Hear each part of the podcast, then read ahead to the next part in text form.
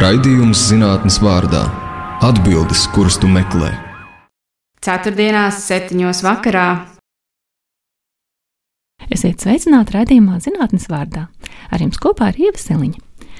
Mēs visi novecojam. Tas ir dzīves fakts, no kura nespēja aizbēgt neviens. Un, um, tur nevar izmainīt ne ar sportu, ne Instagram filtriem vai kosmētiskām procedūrām. Ar gadiem mūsu ķermeņa un prāts mainās, un nāks pieņemt jauno realitāti.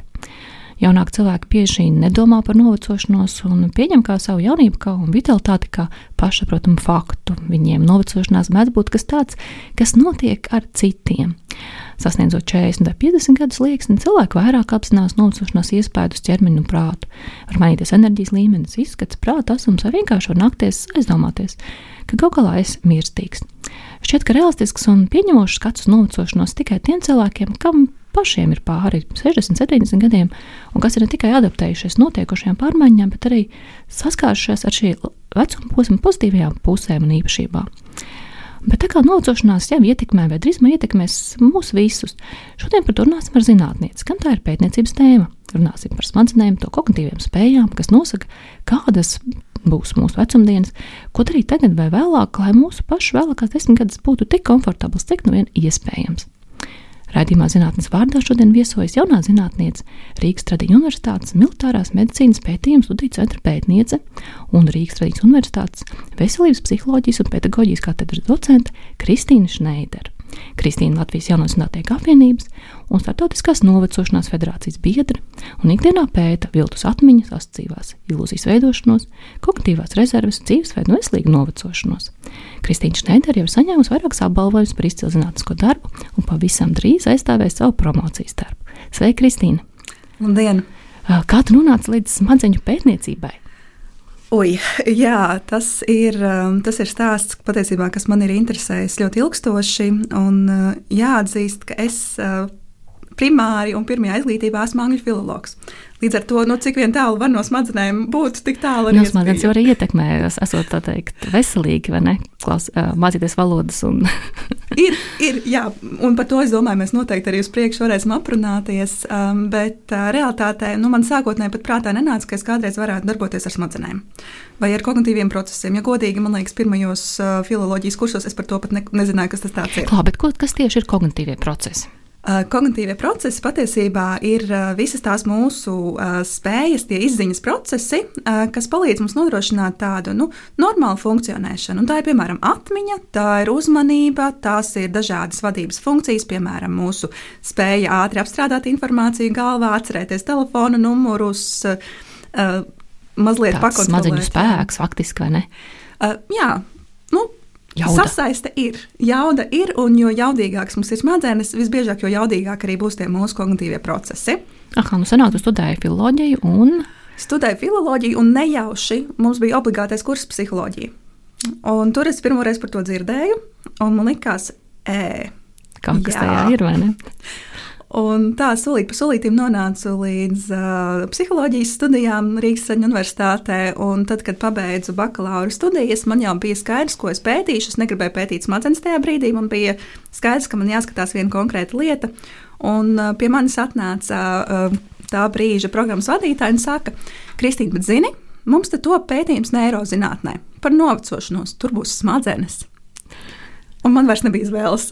Tad man bija skaidrs, kurš virziens man ir jāņem un kur man jāiet tālāk. Un, jā, nu, būtībā šīs smadzeņu kognitīvo procesu un novecošanās miedarbības skatos nu, jau no 2015. gada. Nu, smadzenes īstenībā ir ļoti īpašs orgāns, vai ne? Tas, kā darbojās, šūnas neatjaunojās, daudz ūdens, patērē mm. daudz enerģijas. Tur iezogas kāds mīts tajā, kas tiek teikts. Labi, labi stāsti. Kā ir patiesībā? Um, realitāte ir tāda, ka nu, ļoti ilgi mums tiešām bija šis mīts, ka mēs, uh, ja mēs stre esam stresā, ja mēs novecojam, mēs zaudējam nervu šūnas, uh, jeb neironus, un viņi ne, mēs viņus vairs nevaram dabūt atpakaļ. Nu, šobrīd tas, ko zinātnē rāda, ir patiesībā, ka neiroreģenerācijas neiro atvainojas eksistē. Paldies Dievam! Vienkārši jo vecāki mēs kļūstam, jo lēnāk tā kļūst. Un tā patiesībā būtībā arī ir tā novecošanās definīcija, ka ar laiku mūsu šūnas, kas normāli visu laiku atjaunojas ik pēc noteikta laika perioda, vienkārši sāk to darīt lēnāk. Un viņas to dara lēnāk, un līdz ar to mums rodas šīs dažādas ķermeniskās izmaiņas, un šīs ķermeniskās izmaiņas ļoti bieži ir tās, kas nu, palaiž tālāk šīs arī psiholo psiholoģiskās un sociālās izmaiņas. Un kā tu domā, tā, ka ķermenis varbūt neizskatās vairs tā kā agrākās dienās, un tas ietekmē psiholoģiski? Nu, āda kļūst mazāk elastīga, protams, sirmie mati un dažādi šie, ārējie rādītāji, bet es vairāk šajā gadījumā runāju par no psiholoģiskās puses tieši par šo kognitīvo aspektu, par kognitīviem procesiem. Tātad ļoti bieži mēs pamazām novērojam, ka pasliktinās mazliet atmiņa, kļūstam aizmāršīgāki, grūtāk noturēt uzmanību, aizējam biežāk uz virtuvi un aizmirstam, kāpēc mēs gājām, vārdu sakot, visas šīs tradicionālās lietas. Bet es šeit noteikti runāju arī par dažādām tīri uh, sociālās miedarbības aspektiem. Jo tas, kas ļoti bieži mums ir raksturīgs, nu kā mēs strādājam visu dzīvi, mēs gaidām, kad būs pensionēšanās. Nu, tad beidzot atpūtīsimies. Nu, tad beidzot atpūtīsimies. Un tad mēs atpūšamies un izrādās, ka lielākā daļa mūsu sociālā tīkla bija darbā. Un pēkšņi mums ir ļoti daudz laika, un mēs sākam apzināt uh, to savu brīvo laiku, cik viņa ir daudz un cik maz mums tajā ir ko darīt. Un tajā brīdī iezogas tā nākamā lieta, kas ir ļoti, ļoti raksturīga arī eh, novecojoties, proti, vientulības izjūta. Bet savā ziņā var saprast, jo šis darba periods sakrīt arī ar periodu, kad cilvēks varbūt dibina ģimeni, ir bērni. Protams, ka ir tik daudz pūles jāiegulda dažādos virzienos, ka varbūt nav laika vēl papildus eh, hobijiem vai meklēt eh, nu, draugus citur ārpus darba. Protams, protams, tā ir tāda mūsu tāda normāla, diemžēl, dzīves sastāvdaļa, bet nu, šis ir faktors, par ko tiešām būtu jāpiedomā strādājot jā, ar cilvēkiem, īpaši um, gados vecākiem. Mums ir jāskatās un jādomā, un tīri sistēma, sistēmiskā līmenī jāstrādā ar to, lai būtu gados vecākiem cilvēkiem pieejamas papildus aktivitātes. Un tas ir ļoti cieši sasaistīts arī ar mūsu smadzeņu veselību un kognitīvo veselību. Kā vientulība ietekmē cilvēku? Uh, Vai ietekmē no smadzeņu pētnieku puses? No smadzeņu pētnieku puses ietekmē. Uh, tas ir noteikti stāsts, ko es varētu arī pastāstīt, uh, varbūt vēlāk, plašāk, varbūt citreiz daudz plašāk. Bet tas, ko mēs tiešām redzam, ir, ka vientulība ir ļoti nopietni saistīta ar augstākiem depresijas rādītājiem. Un tas gan ir gan jaunākiem cilvēkiem, gan arī cilvēkiem jau gados. Un domājot par smadzeņu veselību, tiešām tas, kas ir novērots, ir, ka tie um, gados vecākie seniori, um, kuri ir norādījuši, ka viņi jūtas vientuļāki, Un atceramies, ka vientulība nav tas pats, kas izolācija. Ja, mēs varam būt ģimenes vidū, mums var būt mazbērni, bērni un, un teiksim, dzīves biedrs, bet mēs varam justies vientuļš jebkurā gadījumā. Uh, Un šī vientulība, šai vientulībai var būt uh, negatīva ietekme uz mūsu smadzeņu veselību. Proti, tas var būt vēl viens modificējums, bet riska faktors uh, neirodeģenatīvai saslimšanai. Es klausos patiesībā ļoti, ļoti, ļoti nepatīkami. Bet saki, kas notiek ar smadzenēm dzīves laikā? Jo mēs jau tā teikt, nepiedzimstam tādi, kā mēs esam, mēs izveidojamies, vai ne? Mēs visu, mēs visu mūžu mācāmies. Jā. Mēs piedzimstam ar smadzenēm, kas ir baltas kā lapa. Uh, jā, un nē. Uh, šis ir arī viens tāds ļoti interesants stāsts, jo mūsu smadzenes ir gudras vēl pirms viņas ir izveidojušās. Uh, proti, uh, prenatālajā periodā, jeb tajā laikā, kad mēs vēl dzīvojam smuka mammai vēderā, uh, ir viens brīdis, kad sāk veidoties mūsu smadzenes. Un tas, teiksim, kas ir novērots, ir, ka mūsu neironi jau a priori zina, kur, kurā vietā viņiem ir jādzīvo tajā brīdī, kad ir izveidojušās pilnas smadzenes. Tātad būtībā mūsu smadzenes piedzimst jau gudras, bet mums viņas pašas ir mazliet jāapmāca, kā viņas lietot. Nu, kaut kāds pamatfunkcionalitāte jau ir kā, iebūvēta. Ne? Protams, mēs mākam elpot un, un visas šīs lietas, jā, un arī mēs zinām, ka mūsu, kā mums jāveido kustības un viss pārējo. Bet ļoti daudz, ja pavēro zīdaiņus, mēs redzam, ka viņi mācās komunicēt. Un viņi, protams, nemāk uzreiz to darīt ar vārdiem, bet viņi mācās komunicēt kaut vai tikai ar skaņām. Un pasūtīt ēdienu. Un pasūtīt ēdienu. Jā.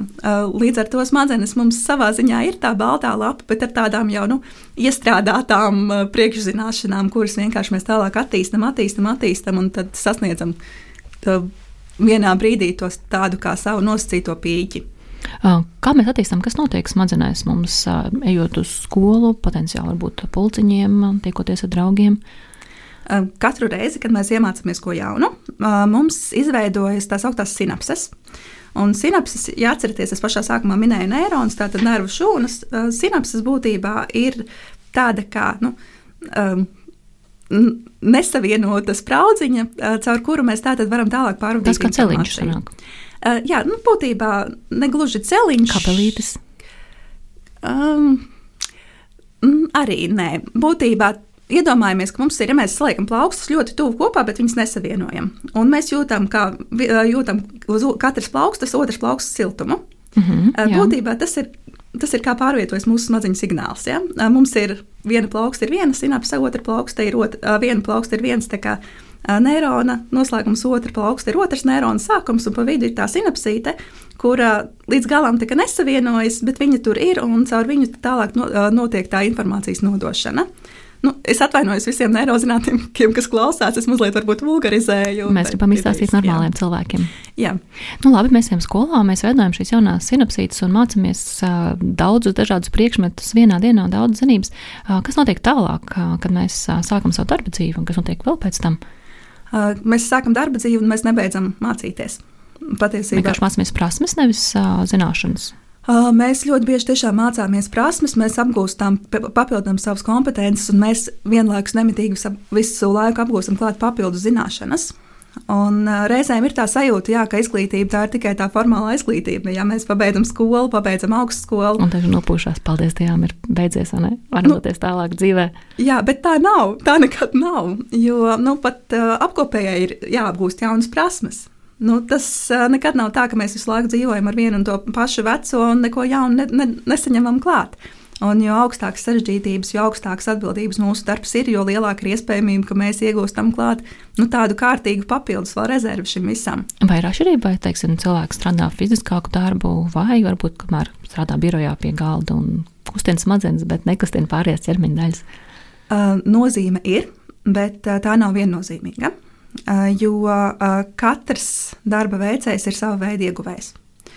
Un eh, šeit mēs varam paskatīties teiksim, uz fiziskā darba veicēju kā ieguvēju tādā ziņā, ka viņš ir nemitīgā fiziskā aktivitātē. Un šis ir tas otrs gals, ja no vienas puses mums ir šī intelektuālā aktivitāte. Nu, mēs stimulējamies, veidojam sinapsītes. Jā, mēs stimulējamies, veidojam sinapsītes, bet mēs sēžam pie galda. Un sēdošais dzīvesveids ir jaunā smēķēšana. Ak, vai. Jā, ir teiksim, pētījumi, kas rāda, ka tie cilvēki, kas sēž 8 stundas dienā, nepieceļas, neizstiepjas, neko nedara, nu, viņiem šī kognitīvā procesa pasliktināšanās notiek daudz biežāk un daudz ātrāk. Un kas ir pats trakākais? Nepietiek ar to, ka mēs nosēžam 8 stundas, aizējām 2 stundas, novingrojamies un tad nākamajā dienā darām to pašu. Uh, tas nav kumulatīvs process. Mums ir jākustās būtībā nu, gandrīz visu laiku. Ik pa laikam pieceļoties no tā mūsu oficiāla galda, kaut vai 5 minūtes apjot ap uh, krēslu vai aizejot līdz uh, labierīcībām. Tātad kustība mums ir vajadzīga. Uh, no otras puses, fiziskā darbā varbūt iztrūks šīs tiešās kognitīvās stimulācijas, intelektuālās stimulācijas. Toties ir šī fiziskā aktivitāte, kas ir arī viens no tādiem izciliem faktoriem, kas palīdz aizkavēt šo kognitīvo procesu veidošanos, uh, pasliktināšanos vai, vai pat demenci. Um, labi, mēs pieņemsim, ka mēs esam mācījušies, mēs esam strādājuši vai nu fiziski vai garīgi darbu, kurā gadījumā veidojuši jaunas sinapsītes. Um, bet tā, ka mums beidzot pienāk šis brīdis pelnīt tā atpūtu un pensiju, kas tajā brīdī notiek ar smadzenēm? Ehm, viņas ļoti bieži apjūg. Kā tā? Um, prieki iestājušies, tas, ko gaidījām visu mūžu. Ne? Ehm, prieki ir iestājušies, bet es, man ir ļoti, ļoti mīļa šeit tāda metāfora par mežu. Un, ja mēs iedomājamies, ka mēs dzīvojam vienā meža pusē un otrā meža pusē, kaut kas, kāds mērķis, ko mēs gribam sasniegt. Nezinu, darba vieta, uz kuru mums ir regulāri jātiek, vai autobusu pietura, vai vēl nezinu, kas draugi.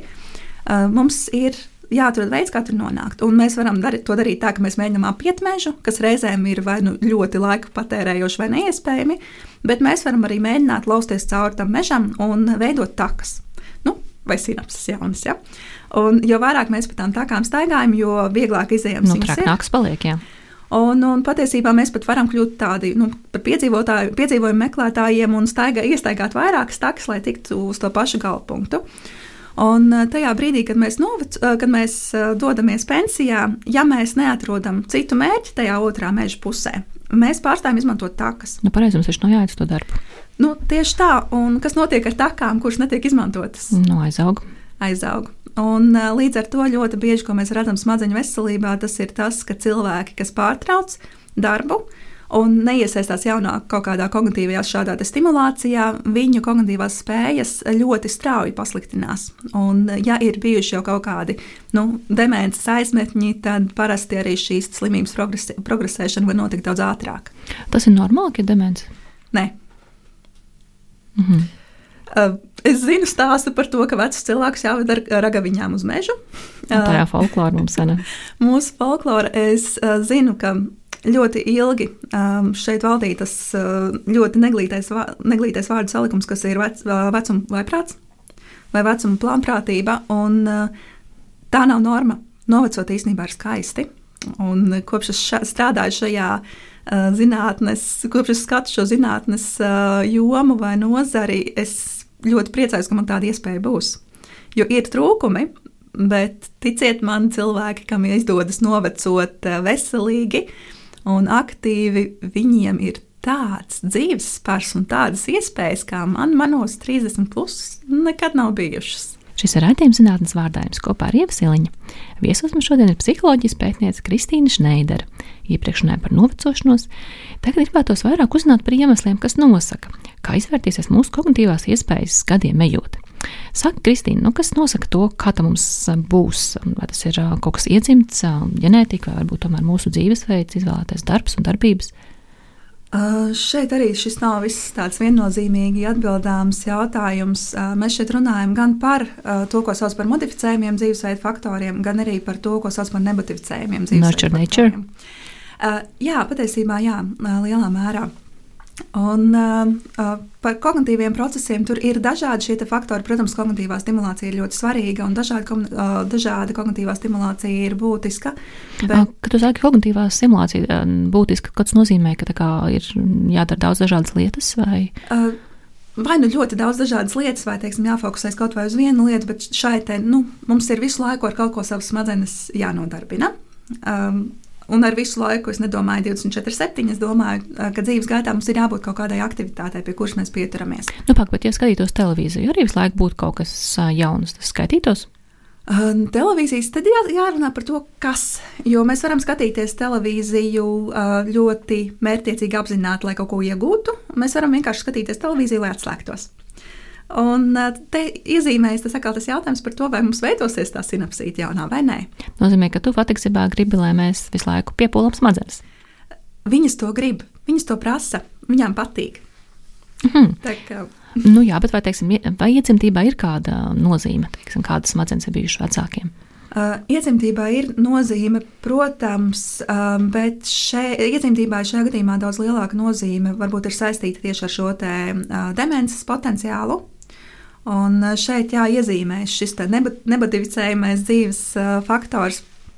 Uh, piemēram, Alzheimer slimības gadījumā mēs redzam, ka tad, ja ir vēsturē bijusi Alzheimer slimība, ja vēsturē ir iezīmējis, vai teiksim, pēc ģenētiskiem testiem mēs redzam, ka iezīmēs konkrēti šie gēni, kas ir sasaistāmi ar demences veidošanos, nu, mēs viņus nevaram izmainīt.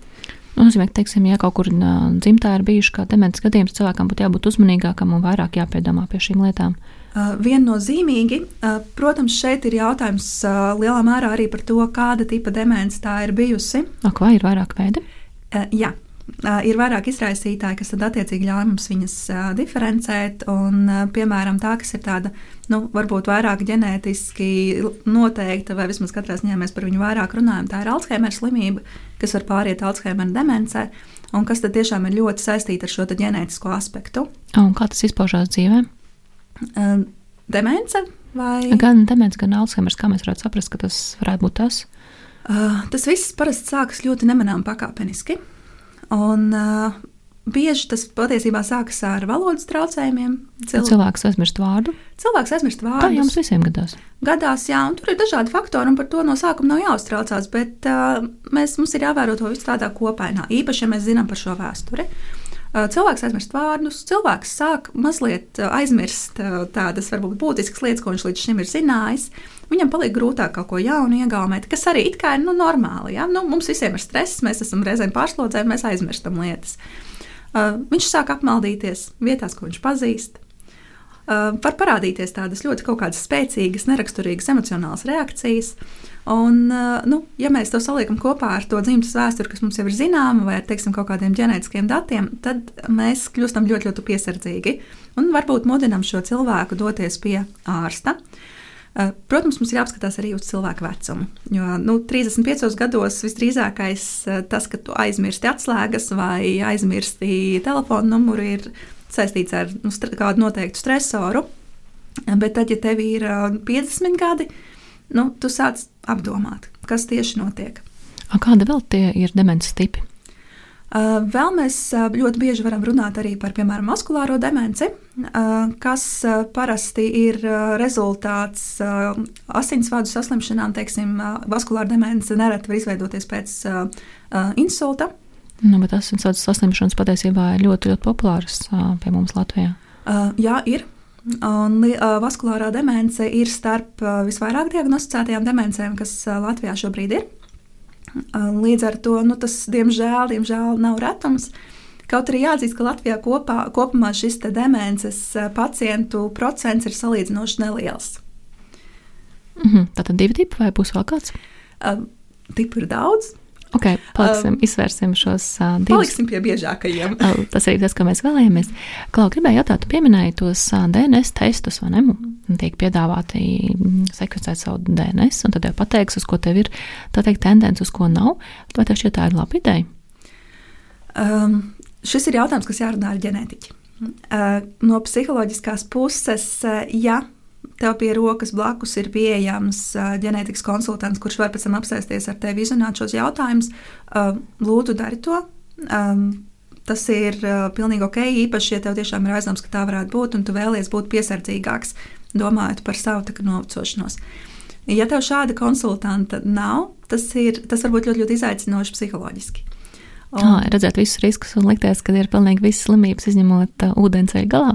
Uh, jā, un ne, šeit var iezīmēties divas pieejas. Viena pieeja tā tad izteikti negatīvs pols, kur cilvēks vienkārši viņam ir skaidrs, viņam būs Alzheimer slimība un viss. Nu, tad kāda jēga censties? Un tas, protams, nepalīdz smadzeņu veselībai nekādā veidā. Uh, bet tad var aiziet arī tas pilnīgi pretējais pols, kur cilvēks uh, kļūst tik ļoti fanātisks par to, lai izvairītos no demences. Jo, nu, teiksim, arī šis pats ApoE4 gēns, kas ir biežāk skatītais, viņš ir tikai riska faktors. Viņš nenozīmē, ka obligāti būs. Uh, bet, arī ģimenē esoša demence nozīmē, ka obligāti būs. Tieši tā, tieši tā. Un, uh, līdz ar to nu, šeit būtu svarīgi, lai būtu blakus cilvēks, kas ir zinošs šajā visā, kas var izskaidrot. Tā teikt, saglabāt mēru sajūtu, vai ne? Jā, jā. Tev, tavs promocijas darbs arī ir par demenci? Uh, mans promocijas darbs ir vairāk par veselīgo novecošanos. Uh, neskatu tiešā veidā demenci, bet vairāk to, kā nu, nonākt līdz tām priecīgajām, foršajām, jautrajām beigām. Uh, tu teici par, um, par šīm situācijām, ka mēs kaut ko aizmirstam, un tas varētu būt viens no signāliem, ka varbūt nav tik priecīgs tās beigas un kaut kas nav labi.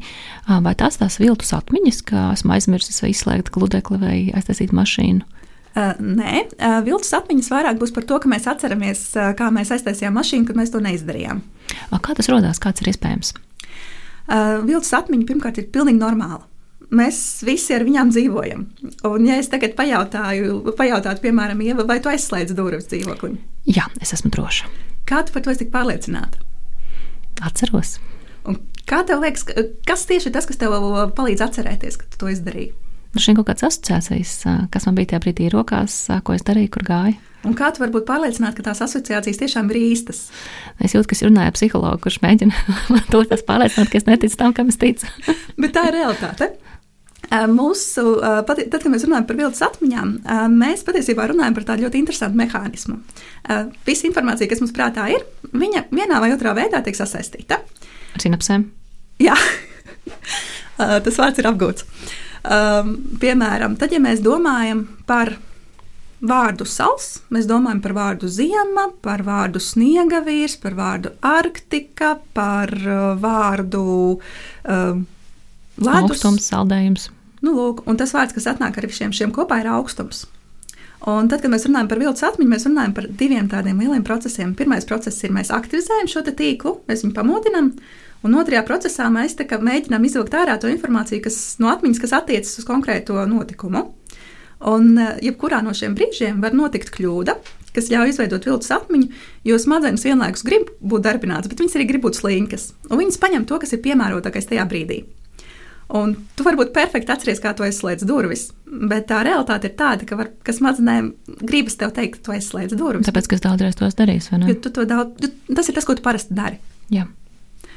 Nu, bet nu, tā realitāte, protams, uh, uh, var būt gan tāda, gan tāda. Un te ir liels jautājums, cik mērķiecīgi piemēram, mēs ar to strādājam. Jo ļoti interesanti pētījumi ir veikti uh, Elizabetes Loftus vadībā, kur viņai ir izdevies integrēt cilvēkiem pilnas, pilnīgi jaunas atmiņas. Nekāda Kā to var izdarīt? Caur stāstu caur tādu kā um, maldinošo stāstu, veidojot tā saucamo maldinošo efektu. Un, uh, šis šajā gadījumā ir vispār ārkārtīgi interesants fenomens, jo mēs ar to bieži redzam, uh, sastopamies tiesās. Un tādā, tādējādi šīs atsliecinieku liecības patiesībā ir ļoti kļūdainas, jo mēs, uzklausot liecības, uzdodot jautājumus par šīm liecībām, varam cilvēkam pateikt, kas viņam ir jāatcerās. Tas nozīmē, ka advokāts patiesībā var ietekmēt atsliecinieku pat atsliecinieku to negribot. Jā, jā protams. Gan advokāts, gan arī patiesībā policists. Um, ļoti viens no maniem mīļākajiem pētījumiem šajā nozarē ir uh, stāsts par apmaldīšanos lielveikalā. Uh, kur uh, šajā gadījumā gan tas ir tāds, nu, viens uh, gadījuma pētījums, kas ir aprakstīts, bet tas ir stāsts par puisi. Normāls pieaugušs vīrietis, pilnīgi veselīgs, 22 gadi vai 23 gadi. Nāca pie Elizabetes Loftus un kolēģiem, un viņam bija jāatceras notikums, kur viņš bija apmaldījies lielveikalā. Uh, uzreiz pasaku priekšā, viņš nekad nav apmalties lielveikalā. Bet savā atmiņā viņam bija pieci gadi. Uh, tas bija lielveikals Minnesotā, uh, un tas no sākuma ir viss, kas viņam ir pateikts. Un viņš nāk tātad uz šīm sesijām, kur viņam ir jāatcerās, un viņam tiek uzdot visu laiku tādi uzvedinošie jautājumi. Blakus viss ir sarunāts ar māmu un ar brāli, ja tas tiešām ir noticis. Nu, Smejies vai raud, rezultāts ir tāds, ka tagad šim cilvēkam ir reāla fiziska atmiņa par to, kā viņš piecu gadu vecumā apmaldījās lielveikalā. Viņš var perfekti izstāstīt, kas viņam bija uz mugurā. Viņš var perfekti izstāstīt, kas ir tas cilvēks, kas viņu atrada, kā tas cilvēks izskatīsies.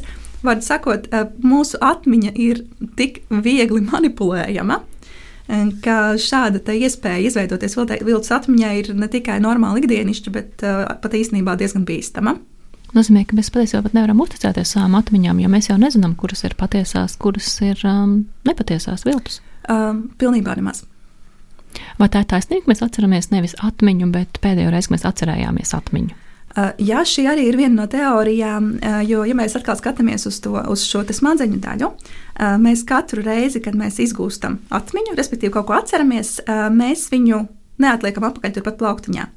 Bet eh, nu, smadzenes to neļauj. Tas, ko viņas prasa, ir, lai mēs viņu vēlreiz atkārtot saglabājam. Bet katru reizi, kad mēs kaut ko atceramies, mēs esam mazliet citā situācijā. Mēs jūtamies mazliet savādāk. Un ar citu pieredzi arī. Un mēs esam ar citu pieredzi. Līdz ar to mums var būt ne tikai viltus atmiņas, kas ir tā, nu, gandrīz apzināti izveidojušās, bet mūsu atmiņas kā tādas, nu, viņas ir tādas kā plastilīns. Un, ja mēs katru reizi viņus pēc apstrādes liekam kastītē, viņas jau mainās ļoti. Un mums nozīmē, ka vienīgais veids, kā patiesi kaut ko atcerēties, būtu pierakstīt pierakstīt, ierakstīt. Mhm. Pastāstiet, kas ir kognitīvās rezerves? Uh, kognitīvās rezerves ir viena no tām lietām, kas varētu palīdzēt pierakstīt un ierakstīt. Um, es, ja drīkst, es arī šeit ar metaforu, jo tā ir vēl viena man mīļā metafora. Um, bet tā parasti ļoti skaidri iezīmē šo te, uh, kognitīvo rezervju uh, realitāti.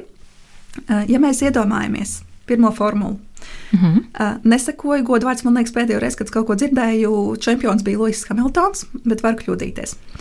Um, iedomājamies tātad Luisu Hamiltonu trešajā golfā.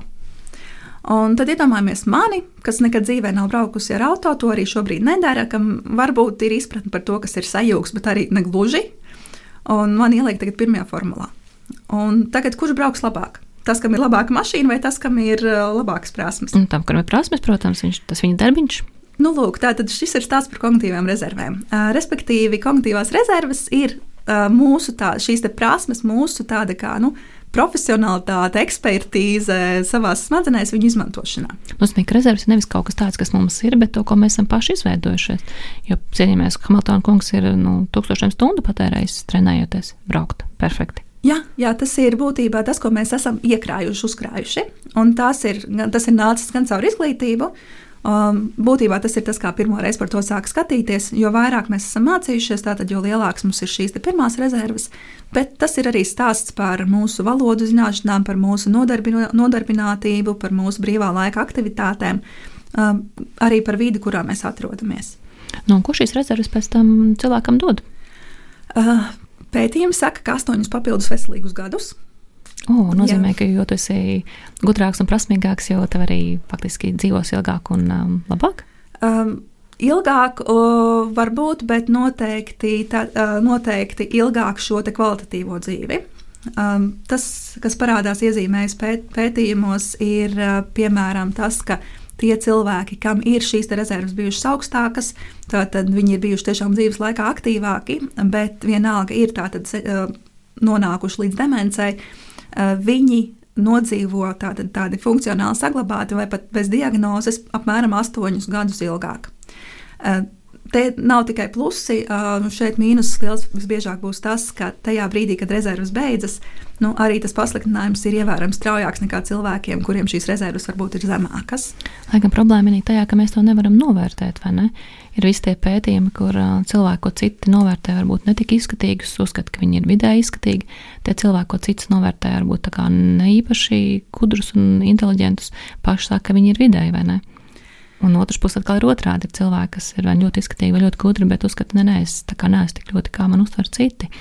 Mēs jau nevaram tā kā novērtēt, kādas ir mūsu rezerves, vai izmērīt un pateikt vairāk, mazāk. Mēs patiesībā nu, jau varam viņus kvantificēt. Jā, mēs nu, nu, varam stāsti. Mums ir dažādi instrumenti, ko mēs izmantojam gan neirozinātnes, gan psiholoģijas pētījumos, kas no šīs tātad. Nu, Sociāli, behaviorālās, sociālās uzvedības puses ļauj mums saskaitīt patiesībā dzīves gadus, um, un pateikt, jā, nu šim cilvēkam visdrīzākais rezerves ir lielākas nekā šim cilvēkam. Bet, nu, protams, tur mums ir jāiet jau ar kaut kādu instrumentāriju. To mēs nevaram apsēsties paši uz lapiņas saskaitīt un, un tā ļoti konkrēti droši pateikt, jā, man viss būs kārtībā. Mēs vienīgi varam ikdienā rūpēties, lai šīs rezerves, tā teikt, um, audzētu lielākas, lielākas. Viennozīmīgi. Bet uzmanamies, lai atkal neaizējām uz tiem poliem. Jo pārāk liela šī kognitīvā pārstimulācija arī nebūs labi teiksim, strādāt 14 stundas dienā drīzāk nozīmēs smadzeņu veselībai mazāk labu nekā, mazāk slik, vairāk sliktu nekā labu. Un kāpēc? Uh, jo smadzenēm nepatīk pārslodze, uzreiz notiek dažādi pilnīgi citi procesi. Un, piemēram, um, 14 stundu darba diena no vienas puses uzreiz visbiežāk norāda uz ļoti augstu stresa līmeni. Un stress ir diezgan negatīvi saistīts ar smadzeņu veselību. Jo vairāk lielāks mums ir stress, jo lielāka tā iespēja, ka sāks kaut kādas problēmas tieši ar smadzeņu, smadzeņu dažādiem rādītājiem un struktūrām. Tas nozīmē, ka tā skatoties ilgtermiņā uz priekšu, iznākumi var būt gan labāk, gan sliktāk. Tātad riski veselībai mazāk riski un ilgāk, tā teikt, kvalitatīvāk dzīve. Bet tajā pašā laikā šīs rezerves, kognitīvās rezerves krājot, mums ir jā, jāievēro zināms dzīvesveids, un ir slikti gan stimulācijas trūkums, gan pārāk liela stimulācija un stress. Jā, precīzi. Mums ir jāatrod to balansu. Šis ir raidījums zinātnes vārdā jums kopā ar Ievaseliņu. Šodien mūsu viesiņa ir Rīgas Stradiņa universitātes pētniece, jaunā zinātniece Kristīna Šneidere. Iepriekš runājām par cēloņiem, labām, ne tik labām kognitīvajām spējām. Tagad gribētu parunāt par to, nu, ko tad praktiski darīt, lai rezultāts būtu mums vēlams un labs. Man šķiet, ka mūsdienu medicīna to vien dara kā paildzina dzīves ilgumu, bet to kvalitāti nevienmēr. Un kognitīvie traucējumi arī mēdz būt problēma. Kā tev šķiet, kāda ir situācija un ko mēs varam darīt? Paldies! Šis ir brīnišķīgs punkts, brīnišķīga piebilde. Man ir ļoti sirdī iekrītas citāts no kāda rakstnieka, kurš saslima ar Parkinsona slimību. Un tā viņa gala atziņa bija, ka patiesībā nu, neirodeģeneratīvas saslimšanas, kas ir piemēram Parkinsona slimība, demence, uh, ir tas nu, pēdējais veids, kā mūsu ķermenis var pateikt, ka pietiek. Mums ir, nu, mēs novecojam, mums ir arī kādreiz jāmirst. Uh, Jo visādi citādi mēs šobrīd esam atraduši veidu, kā aizvietot praktiski visu. Mēs varam nomainīt sirdi, tad, kad viņa paliek pārāk slikta. Mēs varam nomainīt gūžu, tad, kad mēs viņu salaužam. Un, protams, tā funkcionēšana nebūs ideāla, bet eh, cilvēks, nu, mēs savu dzīves ilgumu varam paildzināt. Un tas ir reāli arī tas, ko mēs redzam. Dzīvības šobrīd plānojas, ka pieaugs par pieciem gadiem līdz 50 gadam. Un tas nozīmē to, ka mēs, nu, tas nenozīmē, ka mēs tagad dzīvosim visi tikai līdz 70, kas ir prognozētie, bet visdrīzākais mēs dzīvosim ievērojami ilgāk. Un tas, ja godīgi, šis arī ir viens no medicīnas mērķiem - dzīvot pēc iespējas ilgāk. Man liekas, būtu jābūt ne ilgākam, bet kvalitatīvākam. Man personīgi ļoti biedētu garš mūžs, ja tu, teiksim, paliec gološi uz gultas vai, vai nu, nedodies jā, bez prāta. Jo tas ir ļoti, ļoti skumji gan pašam, gan, gan tuviniekiem. Man negribētos, lai tā paliek pēdējā atmiņa par cilvēku. Protams, viennozīmīgi. Un šī ir tā vieta, kur ieslēdzas tie modificējumie faktori, par kuriem es arī runāju pašā sākumā, par to, kā mēs varam to vismaz smadzeņu daļu saglabāt maksimāli ilgi, maksimāli veselīgu. Kas laikam arī ir svarīgākais, jo, kā mēs runājam, fiziskās daļas tomēr mums ir iespējas, medicīna mums dod dažādas variantus. Uh, jā, nu, es noteikti, diemžēl, nevarēšu dot tādas simtprocentīgas rekomendācijas, domājot par kardiovaskulāro veselību vai, vai kā labāk turēt. Tā mums ir citi rādījumi, nabas. Jā, bet domājot par tādu smadzeņu veselību, uh, ir lietas, ko mēs varam darīt. Um, Šobrīd, teiksim, tādās demences vadlīnijās saka, ka šīs mūsu dzīvesveida jautājumi, ko mēs varam izmantot īstenot, varētu pat sastādīt 40% no visa. Kas varbūt ir mazāk nekā mums gribētos, tāpat laikā tas ir milzīgs procents. Ne pārējie 60. Pārējie 60 tātad ir šie vairāk ģenētiskie faktori, tie, kurus mēs izmainīt īsti nevaram, kas ir noteikti. Bet mēs varam darīt citas lietas. Mēs varam rūpēties par savām kognitīvām rezervēm. Tātad tās ir atkal mācības, bet nebeigšu atkārtot mācības no tikai skola. Mēs varam mācīties kaut vai skatoties dokumentālas filmas, vai apgūstot jaunu valodu, vai mācoties violi, spēlēt. Nu, mēs varam darīt jebko, kas ļauj mums apgūt jaunas prasmes, un jau tā ir mācīšanās. Mēs varam ceļot. Arī ceļošana ir zināmā mērā apgūšana, mācīšanās, un vides, vides faktori patiesībā vides faktoriem ir milzīga nozīme arī domājot par šo kognitīvo novecošanos. Kādā ziņā vidas faktoriem nozīmē? Uh, tas, ko mums šobrīd rāda pētījumi, ir piemēram, ka stimulācija, atšķirīgai stimulācijai no vidas puses var būt ļoti atšķirīga ietekme. Un ļoti interesants pētījums ir iezīmējis to, ka ir savi plusi esot laukos, savi plusi esot pilsētā. Pilsētā vairāk iespēju, bet pārstimulācija brauc garām mašīnas, kaut kas pīpina, kaut kas kliedz. Eh, Piektdienu vakaros, ja dzīvo centrā, tad visu laiku kāds kliedz. Um, ir eh, lielās reklāmas, kaut kur kaut kas midžinās. Var sakot, mēs esam nemitīgā, uh, nemitīgā miedarbībā ar vidi, dzīvojot pilsētā. Uh, bet mums ir pieeja. Mums ir pieeja lielāka bibliotekām, mums ir pieeja dažādiem pasākumiem, izstādēm, koncertiem. Uh, varbūt kaut kādiem uh, sociālajiem klubiņiem, visādām tādām lietām. Arī draugiem. Un draugiem. Uh, no otras puses, ja mēs dzīvojam laukos, kur šādas iespējas varbūt ir mazāk, un es šeit runāju par laukiem, piemēram, par tādu nu, vairāk tādu viensētu tipu, tiešām par lauku zonu, nevis par uh, pilsētu ārpus Rīgas, uh, ir mazāk šo stimulācijas iespēju. Tāpat laikā ir uh, smadzenēm daudz lielāka atslodze un uh, fiziskajai aktivitātei daudz plašākas iespējas. Līdz ar to arī šeit ir savi plusi, mīnusi. Uh, ja mēs domājam no tāda ceļošanas aspekta, atkal tā patiesībā ir mācīšanās. Jo mēs iepazīstamies ar jaunu kultūru, mēs uh, iepazīstam jaunas ielas, uh, jaunus arhitektūras stilus, aizējām uz muž, muzeju. Tātad, nu, jebkurš ceļojums pats par sevi arī ir izglītojošs. Kas notiek ar smadzenēm stresa laikā? Kāpēc jūs sakat, tas ir tik slikti? Uh, brīdī, kad mēs pieredzam stresu, uh, tas, kas notiek mūsu ķermenī, mums aktivizējas uh, Eh, tāds eh, brīnišķīgs eh, radījums kā kortizols. Un tas, ko dara kortizols, viņš patiesībā nu, viņam ir labi mērķi. Viņš grib mūsu visu ķermeni mobilizēt tam, lai mēs varam vai nu aizbēgt prom no stresora lāča, piemēram, vai cīnīties ar viņu, vai nu, mēs varam arī vienkārši neko nedarīt. Bet tā sliktā lieta ar kortizolu ir tā, ka tad, ja mēs esam ilgstoši stresā, kortizols saglabājas paaugstinātā līmenī. Un uh, kortizola uzdevums ir mobilizēt uh, resursus, bet mums resursi ir tik, cik mums ir. Un jūs laiku esat mobilizēts? Ja visu laiku mēs esam mobilizēti, mums vienkārši beidzas resursi. Un, uh, līdz ar to tiek nodarīts arī tātad kaitējums smadzeņu veselībai. Hmm. Nu, labi, atgriežoties pie dzīvesveidā, tam mums vajadzēja šīs stimulācijas, vai nu mēs iesim uz izstādi, vai varbūt uz, uz teātri, lasīsim grāmatas, ceļosim, kas arī ir mācīšanās. Ko mēs vēl varētu darīt, ja mēs vēlamies tādu skaistu mūžu? Skaistu mūžu mēs varam arī strādāt. Jā, bet nu šeit tā tad atceramies par šo te balansēto darbu. Um, viennozīmīgi tātad mums ir jāpievērš uzmanība savām brīvā laika aktivitātēm. Un, jā, nu, mums šeit ir šie te, teātris apmeklējumi, izstādes un tā tālāk, bet uh, tas, kas ļoti iezīmējas, ir piemēram grāmatu lasīšana. It kā nekas tāds, vai ne? Mans mīļākais hobijs. Nu, un, nu, tas taču ir vienkārši normāli parasti. Nu, nu, tas taču nevar būt nekas tāds, kas baigi palīdz mūsu smadzeņu veselībā. Nu, es atnāku mājās, paņemu grāmatu, palasu, nu nevar būt, ka es tā esmu sev baigi palīdzējis. Izrādās, ka jā, arī grāmatu lasīšanai ir sava pozitīvā ietekme uz uh, mūsu kognitīvo rezervi veidošanu, un līdz ar to, protams, arī uz mūsu tādu nu, smadzeņu un kognitīvo procesu saglabāšanu. Kontroversāli, bet krustvārdu mīklas. Tas jau liekas, tāda klasika, vai ne? Ko saka, ka vajadzētu pildīt krustvārdu mīklas, asināt prātu. Jā, un šeit ir pierādījumi, kas saka jā, pierādījumi, kas saka nē, tad pierādījumi atkal saka jā, un tad pierādījumi atkal saka nē.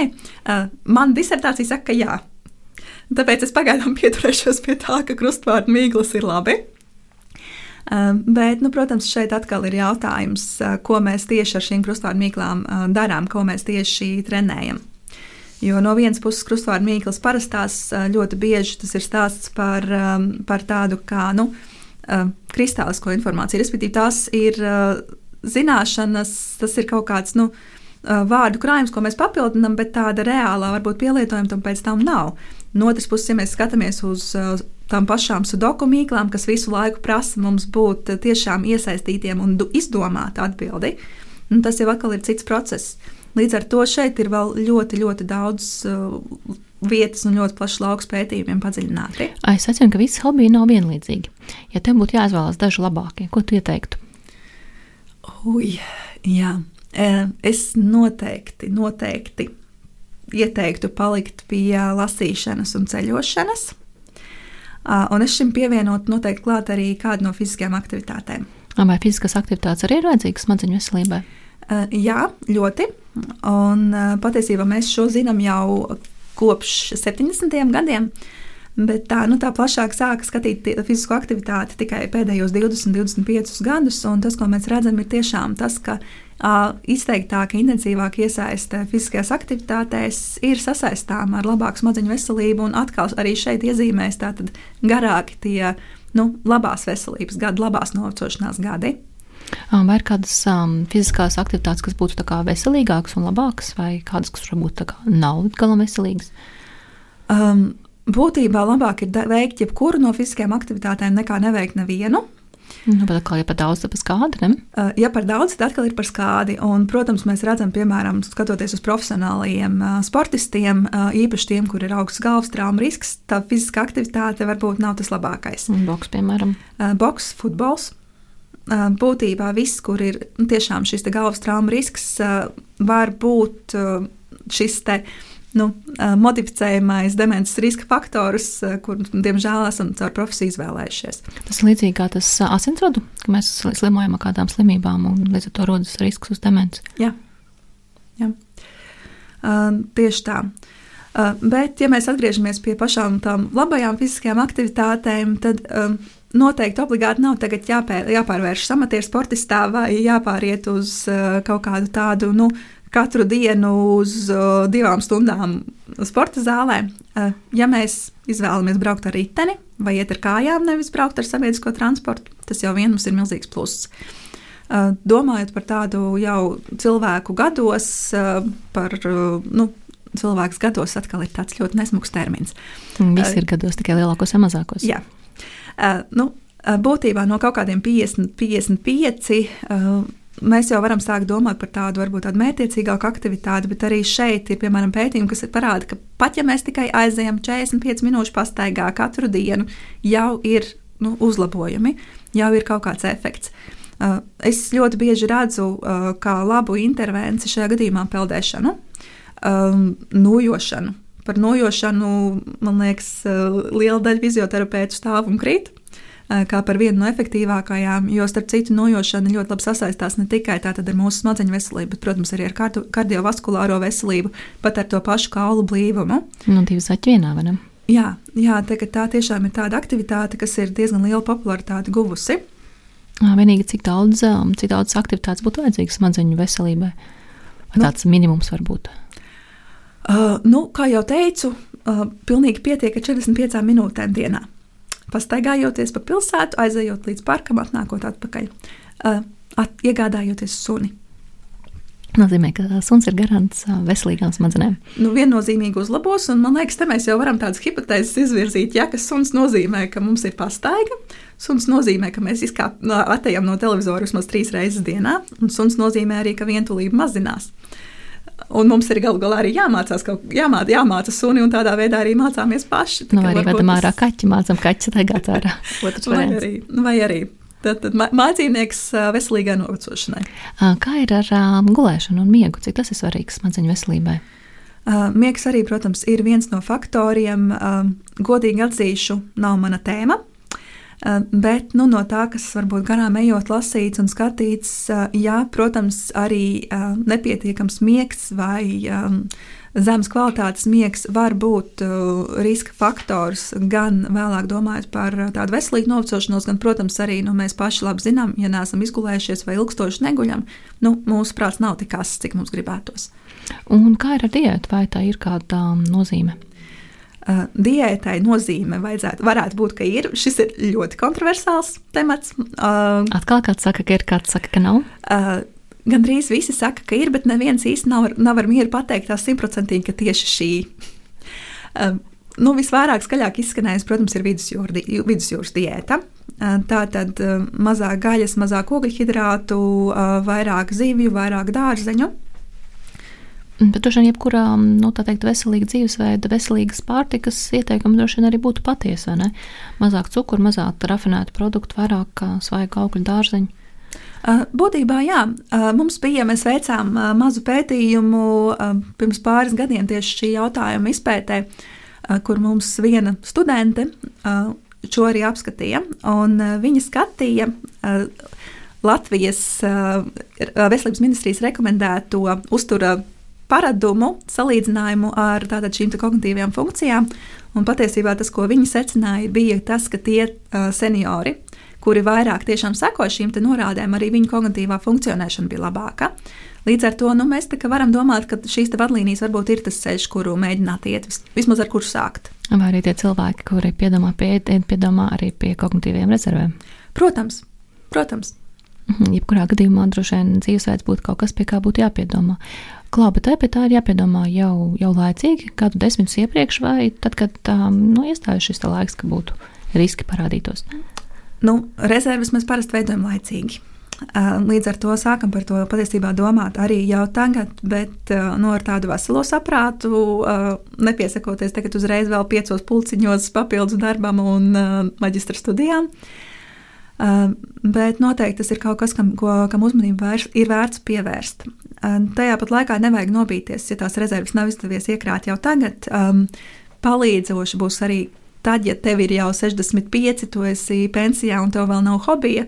Ja tu atrodi hobiju sev tagad, ja tu sāc uh, regulāri kustēties, uh, tad, nu, tad tās cerības to dzīvi ilgi pagarināt, kvalitatīvi kvalitatīvo dzīvi ilgi pagarināt, ir ievērojami lielākas.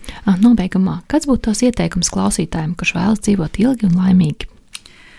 Um, kustēties, um, atkāpties no televizora, atkāpties no galda laiku pa laikam, apiet aplīti.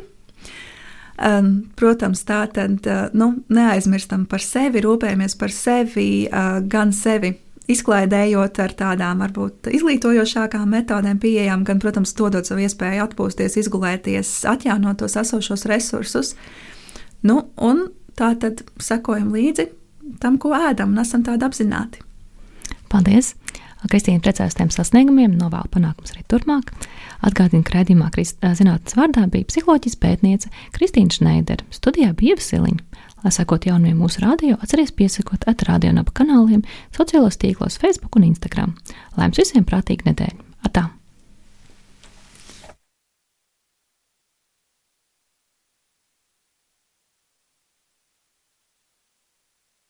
sees you through.